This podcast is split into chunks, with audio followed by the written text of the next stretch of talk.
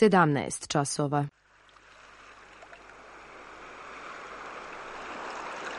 Radio Televizija Srbije. Radio Beograd 2.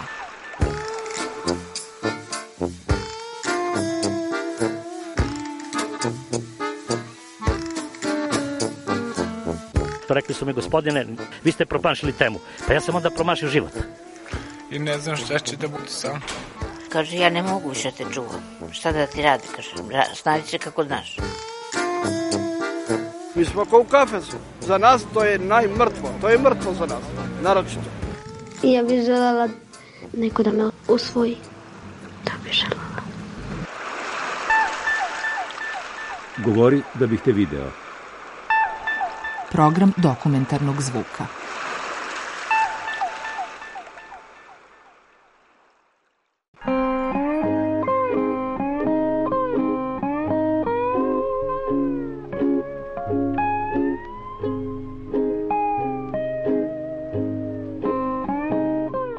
Šekspirov pobunjenik u Henriku VI objavljuje prva stvar koju ćemo uraditi, pobićemo sve advokate. Drugo lice advokature. Govori Oliver Injac, advokat i publicista.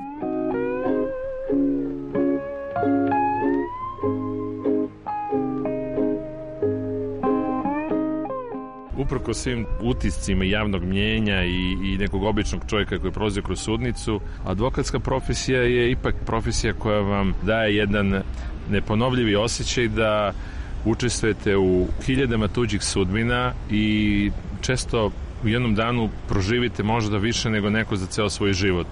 Možda je to i draž ovog posla, a možda i jedna zla kob. Vi hteli ne hteli ulazite u mnoge te sudbine i jer ljudi dolaze kod vas, ispoveduju vam neke najintimnije stvari i prosto to mora tako. Imao sam slučaje kada klijent ne kaže sve do kraja i to se posle otkri toku suđenja i na kraju kraju bude loše za nas jer ja ako ne raspoložem svim činjenicama suprotna strana ih vrlo rado predstavi sudu, a onda je možda kasno da se mi branimo. Ali kažem, život je tu posebno inspirativan i posebno raznovrstan i on često prevazilazi zakone, tako da je zaista presuditi u jednoj parnici nije lako i ja ja mogu da kažem da, da ova profesija uz svu težinu i stres, vi nemate radno vreme, vi nemate slobodan dan jer klijent e, ima problem koji ima.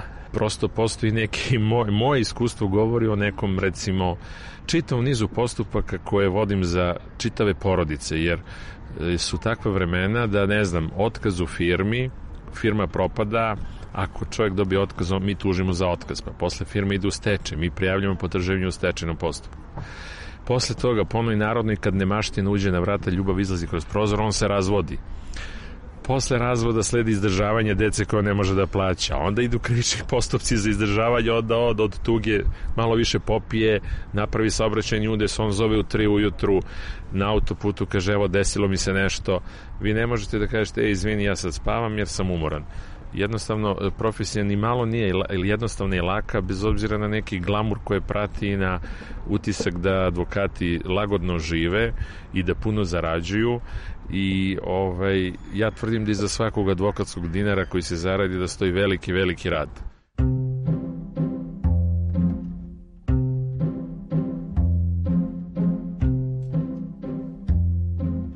Uporni klijent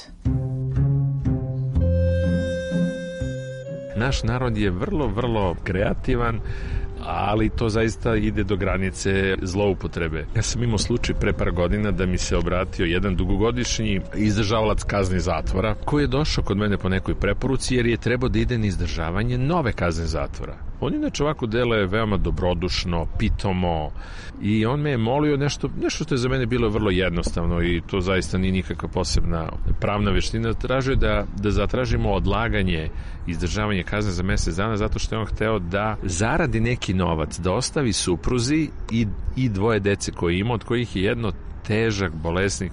I ja sam podno zahtev sudu da mu se odloži izdržavanje kazne na temelju eto bolesti deteta i to je odloženo. I kad smo odložili, ja sam račun, eto, mi smo opet uradili nešto. On je došao kod mene, rekao je, bravo, ovo ste odlično uradili. Ja kažem, pa dobro sad, ajde da ne budem ni toliko lažno skroman, eto, uspeli smo, ali nije to ne znam šta. Onda onda mi je rekao, ali, ali da li možemo za još mesec dana da odložimo ovo izdržavanje kazne? Ja kažem, pa zašto ne bih ja tražio preko hleba pogaču i ja sad, znaš kako, ja stavljam svoj potpis i pečat, mislim, opet bez obzira, jeste da radim za klijenta, ali ne želim ni da radim nešto što se ipak kosi sa nekom etikom. On je onda rekao, ali ja imam dugogodišnji problem sa kičmom, ja bih sad išao da operišem kičmu da bi odložio zato za još mesec dana. Ja sam rekao, ali zaista mislim da, da li si siguran da to želiš? Hoćeš da operišeš kičmu da bi odložio zatvor za mesec dana? Mislim da to nije baš ja koliko se razumem u kičme i u neurohirurgije, ja mislim da, da ja ne bih baš zbog mesec dana zatvora izlagao sebe opasnost, ipak je kičma kičma, bar tako kažu, i da se na to mora da operiše jedino ako se baš mora. On je rekao da ma hoće, onda je već otišao kod svog neurohirurgija, on dogovorio da se to uradi. Ja sam onda rekao, znaš šta, ajde ti meni, dobro, donesi ti meni nalaze, oni meni done upute, nalaze, oni uradio sve moguće analize. I ja sam onda rekao, pa dobro, ajde sad, nisam ja jači od konzilijuma, nisam ja ovaj neki ekspert sa Vojno-medicinske akademije, pa da sudim ko je... I ja ništa, napisao sam onda ponovo zahtjev za odlaganje kazne i naravno razlog je usvojen. I kad se završili ta druga epizoda, onda on treći put došao kod mene i rekao je, a da li bismo mi mogli još jednom po treći put da odložimo kaznu zatvora? Ja sam rekao da, da, da prijatelju ti sad već malo preteruješ i da ja mislim da ćeš morati da promeniš advokata, jer ja zaista ne mogu baš toliko mislim, ne bih želeo da sad počne da kruže meni anegdote među sudija. I onda on rekao da je on temeljno pročitao zakon o izvršavanju krivičnih sankcija. Inače, svi oni dugogodišnji zatvorenici imaju završeno barem pola fakulteta i zakoni znaju bolje od 90% pripravnika i od 51% advokata. I onda on meni rekao da je on proučio i da tamo piše da ako dobiješ dete, da imaš pravo na odlaganje kazne zatvora. I ja sam onda uh, rekao, dobro, uh, ali pošto je dolazio sa suprugom, vidio sam da ona žena nije u drugom stadiju. Međutim, on je rekao, ali ja imam jedno sada vambračno dete, jedna devojka je trudna sa mnom i ona će da se porodi za mesec dana. I ja sam bio malo zbunjen, pokazujem mi sliku devojke koja izgleda vrlo lepo, a mlađa njega 15 godina i tako dalje. I onda je on doneo kroz mesec dana izvod iz mačnih i rođenih gde se vidi da je on otac tog deteta. I onda, znate, i onda sam ja, pošto već imam taj izvod, ja sam onda po treći put uzao da pišem molbu za odlaganje izdržavanje kazne zatvora i naravno i to je uspelo. Po treći put, što je zaista jedan apsolutni rekord i ja sam sad s jedne strane bi mogao bi da se hvalim s tim svojim rekordom, ali ja nisam do kraja siguran da je to za, sve za zahvaljenje. I kada se ovaj, to sve završilo, onda je on pred početak izdržavanja kazne došao kod mene, ali naravno ima i on meru, ne ovog puta da pokušamo četvrti put, već da mi kaže nešto drugo. I onda on meni rekao, znate što ja moram vam nešto da kažem, da ja u stvari nisam otac onog deteta, već su to naši podstanari koji stanuju na spratu iznad nas i oni nisu imali novac da nam plaćaju kiriju, nekim su problemima, a nama je trebala ova situacija da odložim zatvor za mesec dana i onda smo se mi dogovorili da njen muž prihvati da se ja previm kao otac. I ja sam se tu osjetio toliko prevarenim, ja sam bio zapanjen, kad sam shvatio da se neko igra sa sudbinom deteta, sa upisivanjem u matičnu knjigu rođenih imena oca. Da bi on u stvari da mi sada tužimo da se stvari vrate na pravo stanje. Ja sam onda rekao da to neće nikako moći tako lako kako je on zamislio, da to sad tako baš na ročištu ćemo doći, pa ćemo jedan drugom reći ja, ja sam otac, ja nisam, već sam mu rekao da će to i to da će to i do tada sam bio tolerantan u plaćanju prema njemu, ali ovaj tu sam onda ovako rekao jednu baš baš punu cenu koliko bi ga koštale uslovi uključujući štačenje i on mi se posle toga više nije javljao.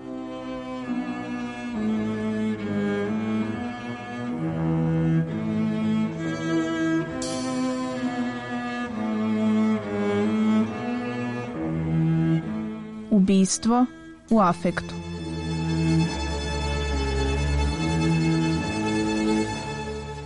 U krivičnim postupcima često vas ljudi pitaju kako možeš da braniš nekog ko je ubio ili nekog ko je uradio nešto, međutim mi uvek kažemo da mi ne branimo delo, mi branimo čoveka. Ovaj, mi samo pokušamo da izbegnemo onu neku situaciju, kako se to kaže, držite lopova. Vi u svakom čoveku imate, kako god da je, svako svoje zašto ima svoje zato i e, nije lako suditi i jednostavno osuđivati i prosto etiketirati nekog da je, da je ubica ili da je ovakav čovek ili onakav, jer svi mi, kažem, imamo i prednosti imana i ja kažem, svi smo mi danas potencijalne ubice vi kada sednete za volan automobila, uz malo nesretnih stice okolnosti, vi tog dana uveče možete biti u pritvoru jer ste ubili nekog autom.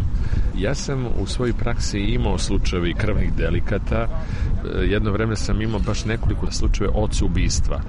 Imao sam jedan slučaj jednog seoskog oca ubistva gde je otac bio dugogodišnji, možemo reći alkoholični, maltretirao celu porodicu i onda je na parastostu svoje majke izašao u dvorište i počeo da maltretira sve ljude oko sebe i podosobno da ponižava svog sina i to je jedna afekcijna situacija gde i sin pokušao nekom samoodbranom koja je zaista bila vrlo, vrlo civilizovana i verbalna, međutim otac je krenuo fizički da se obračunava i nažalost epilog svega bio da je sin u smrti oca i posle toga on se odmah predao, priznao krivično delo i ja sam posle njega posjećivao u zatvoru i vidio sam da se iza svega toga isto krije jedan nesrećan mladić koji je, eto, jedan, da kažem, i tranzicioni gubitnik koji je bez posla u mlekari koji se vratio u selo gde ga je otac vređao ti da si nešto vredao ne bi dobio otkaz.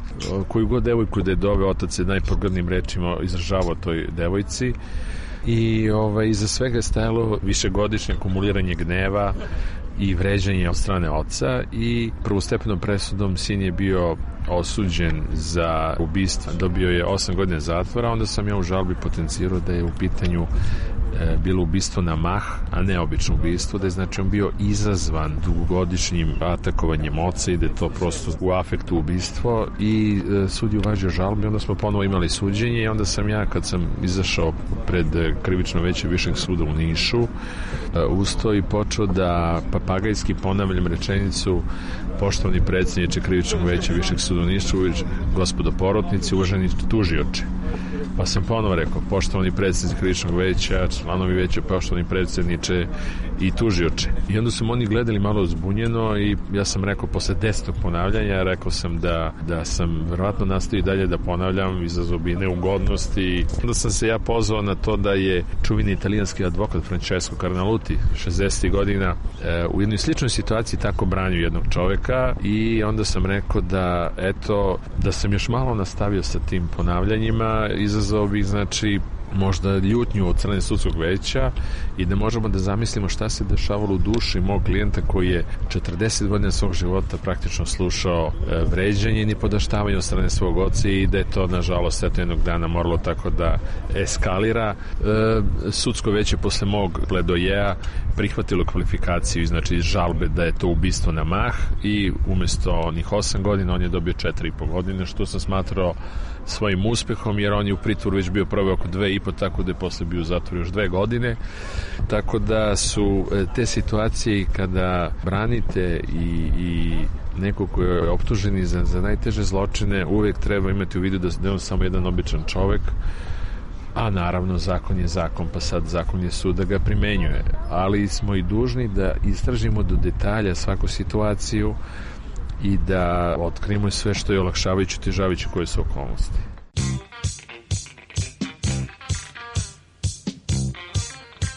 Slučaj zastava 128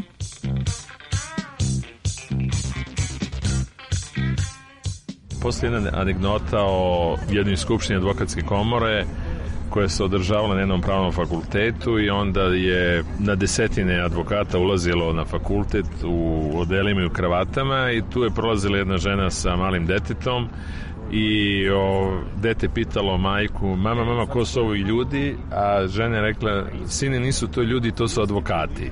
Ali da mi advokati jesmo ove ljudi kao i svi drugi da, koje muče isti problemi kao i sve druge, govori to što i mi isto možemo biti na udaru i lopova i svega drugog, tako da su mnogi od nas imali iskustva i sa krađama i obijanjima kancelarije i sa krađom dokumentacije ili kompjutera. A ja sam imao jednu neobičnu situaciju da mi je pre nekoliko godina kada sam došao na autobusku stanicu autom da kupim kartu bilo je veče, kiša je padala, nigde žive duše nije bilo, jedini sam bio na stanici, bilo je kasno i dok sam ja otišao do šaltera i kupio kartu, okrenuo se, auto je nestao. Obavestio sam policiju, auto je bio mnogi kažu da je to ovaj, nepopularan auto, ali meni je bio drag za mene, imao, kako mi kažemo, afekcijnu vrednost. To je bila jedna zastava 128 koju sam ja obožavao da vozim po gradu, jer je bila vrlo ekonomična za upotrebu i nisam se nikad bojao da će neko da je ukrade, nikad je nisam ni zaključavao, međutim, baš ta moja opuštenost izgleda da me je koštala i da u stvari je i auto kao što je zastava koja jeste bila najlepša u gradu i najočuvanija, ali opet je kao zastava da i ona može biti meta. I nje nije bilo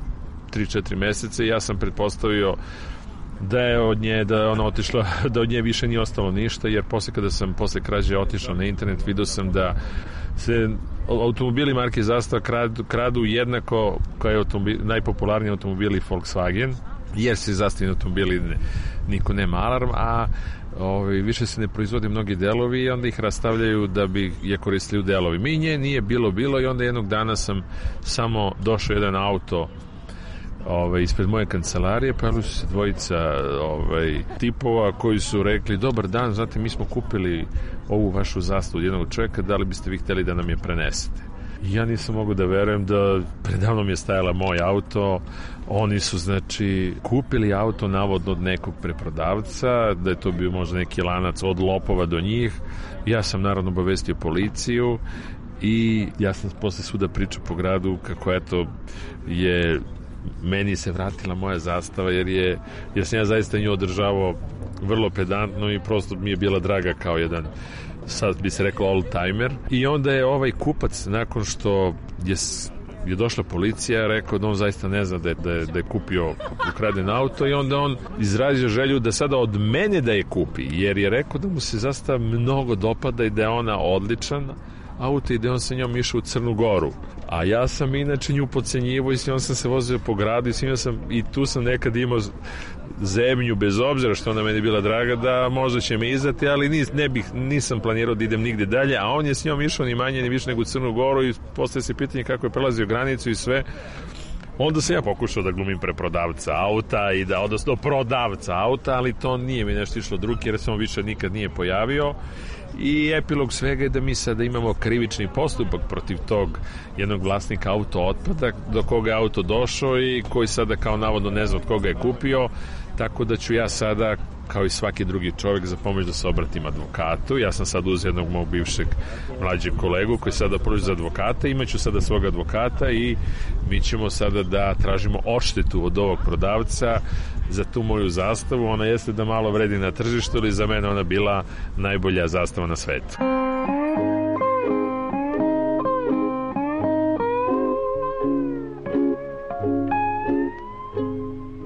Velike advokatske odbrane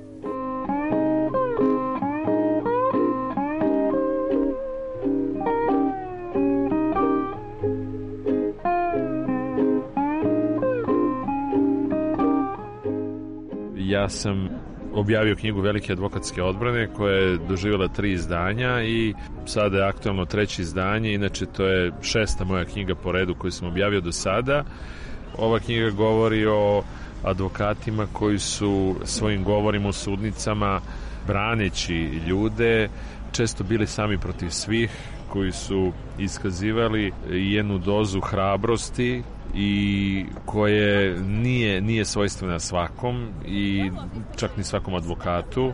I ja sam s njom želeo da prosto sačuvam od zaborava e, mnoge po meni velike nastupe velikih advokata. E, ja sam u mojoj knjizi iskazao divljenje recimo prema doktoru Rudolfu Cisleru, advokatu koji je bio branilac Gavrila Principa još nekoliko okrivljenih povodom poznatog Sarajevskog atentata 1914.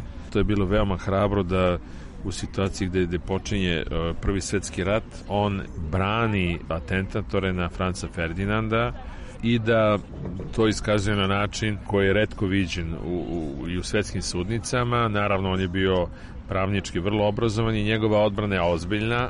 On nije galamio sudnici tek tako da bi galamio, već je pokušavao da dokaže taj neki svoj stav kao branioca.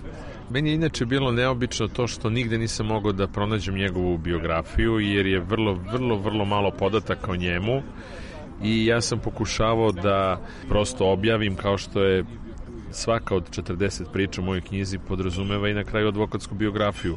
Sam pokušao da dođem do njegove biografije i to sam pokušao na zaista razne načine. Ove moderne tehnologije, internet i slično, pa nisu se nešto pokazale kao izdašne u tim nekim traganjima, posebno za starim dokumentima ili starim uh, starim podacima i onda sam uh, ja uspeo preko nekih mojih kontakata da dođem do pokušao sam da pronađem lica koje se prezivaju Cisler uh, na nekom da kažem potezu od Austrije do Bosne i uspeo sam da, da pronađem na teritoriji Hrvatske troje četvoro lice od kojih sam video da jedno lice ima jedinstveni matični broj građana uh, iz kojeg se vidi da je rođeno 915. Ja sam onda pomislio da ako je Rudolf Cisli 1915. branio Gavrila Principa, da on možda tad bio u nekoj životnoj punoj snazi, da je možda tad i stvarao porodici, da je tada možda i dobio dete. Ja sam, onda sam pomislio možda se na to lice vodi stan, možda ono nije u životu.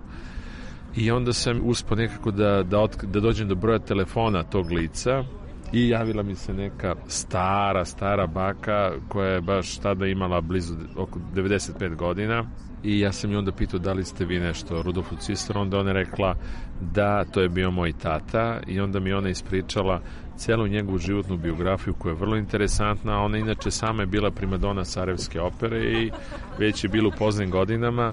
I ja sam danima kraj telefona vodio s njom razgovore koji su trali po sat, dva, gde mi ona ispričala priču o svom životu i njegov život je toliko interesantan, toliko uzbudljiv da sam ja samom sebi rekao da ako ikad budem napisao neku dramu zvaće se Rudolf Cisler jer on je čovjek koji je uh, uvek je nekako bio antiprotivan i uvek je uh, bio je u mladosti levičar pa je eto ovaj, bio branilac Gavrila Principa zbog čega bio proteran iz Sarajeva iz Bosne pa je posle Prvog svetskog rata imao čak ponudu da bude ministar pravde od strane, kažu, lično Aleksandra Karadžorđevića ovaj, ali on to odbio, pa su ga 41. uhapsile Ustaše misleći da je jevrej, na 46. ga je osudila nova vlast zato što je uspeo da nekim argumentima ospori neku nacionalizaciju nekog švajcarskog rudnika boksita u Hercegovini.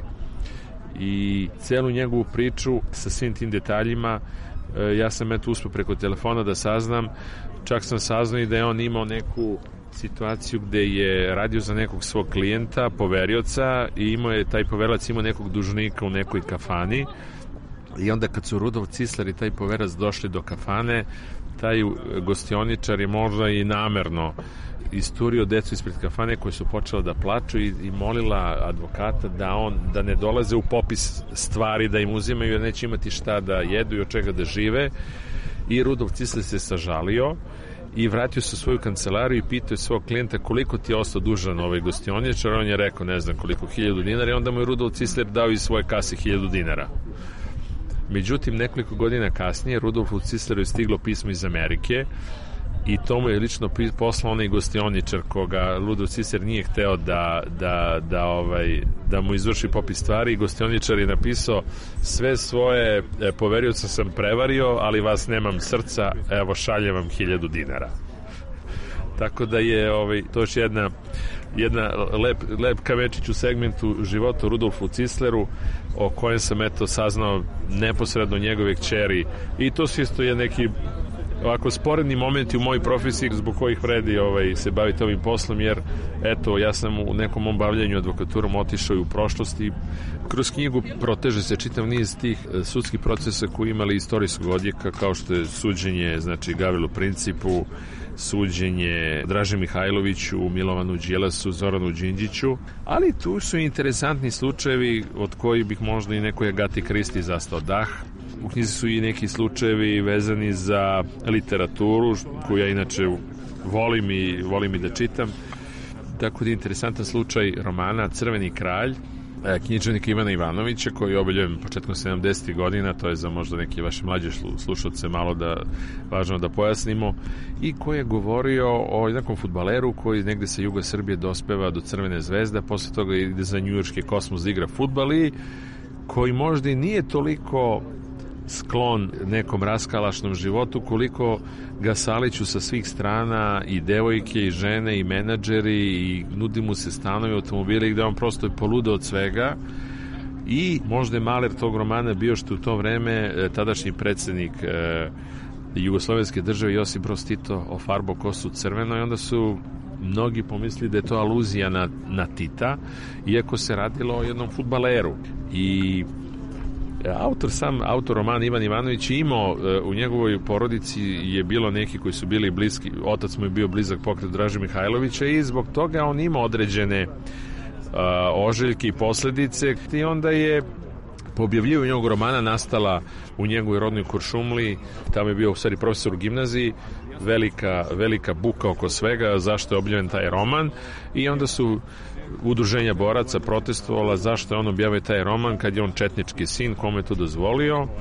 I to je sve bilo na granici besmislenog, ali je tu posebno interesantno što je tužilaštvo i organi bezbednosti su plasirali prosto jedan stav i u tom nekim svojim službenim beleškama i u kričnim prijavama da je taj futbaler iz romana o kome pisao Ivan, Ovan, Ivan Ivanović da je u stvari on neki saradnik stranih obaveštenih službi iako se to nigde u romanu ne spominje. I onda je Dušan Mašić, izdavač romana, poznati beogradski izdavač nezavisnih izdanja, u Pančevačkom tužilaštvu rekao ja da sam znao čime se u stvari bavi junak romana, nikad ne bih izdao takvu knjigu, a verujem i da je autor znao čime se u stvari bavi njegov junak, futbaler.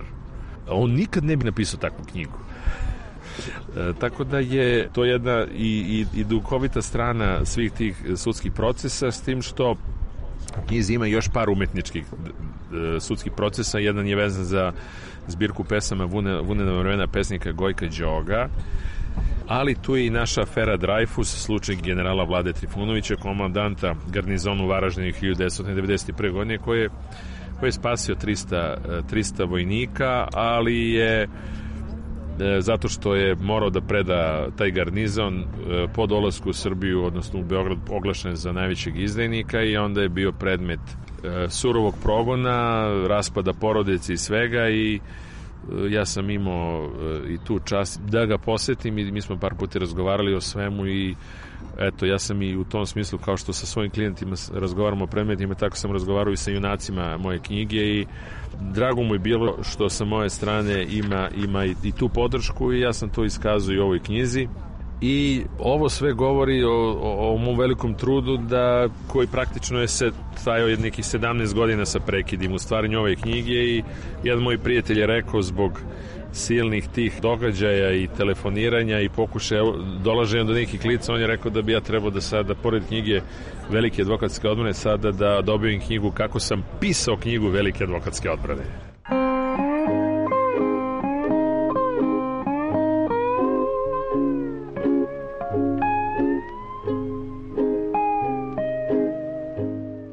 Čuli ste dokumentarnu reportažu Drugo lice advokature. Govorio je Oliver Injac, advokat i publicista.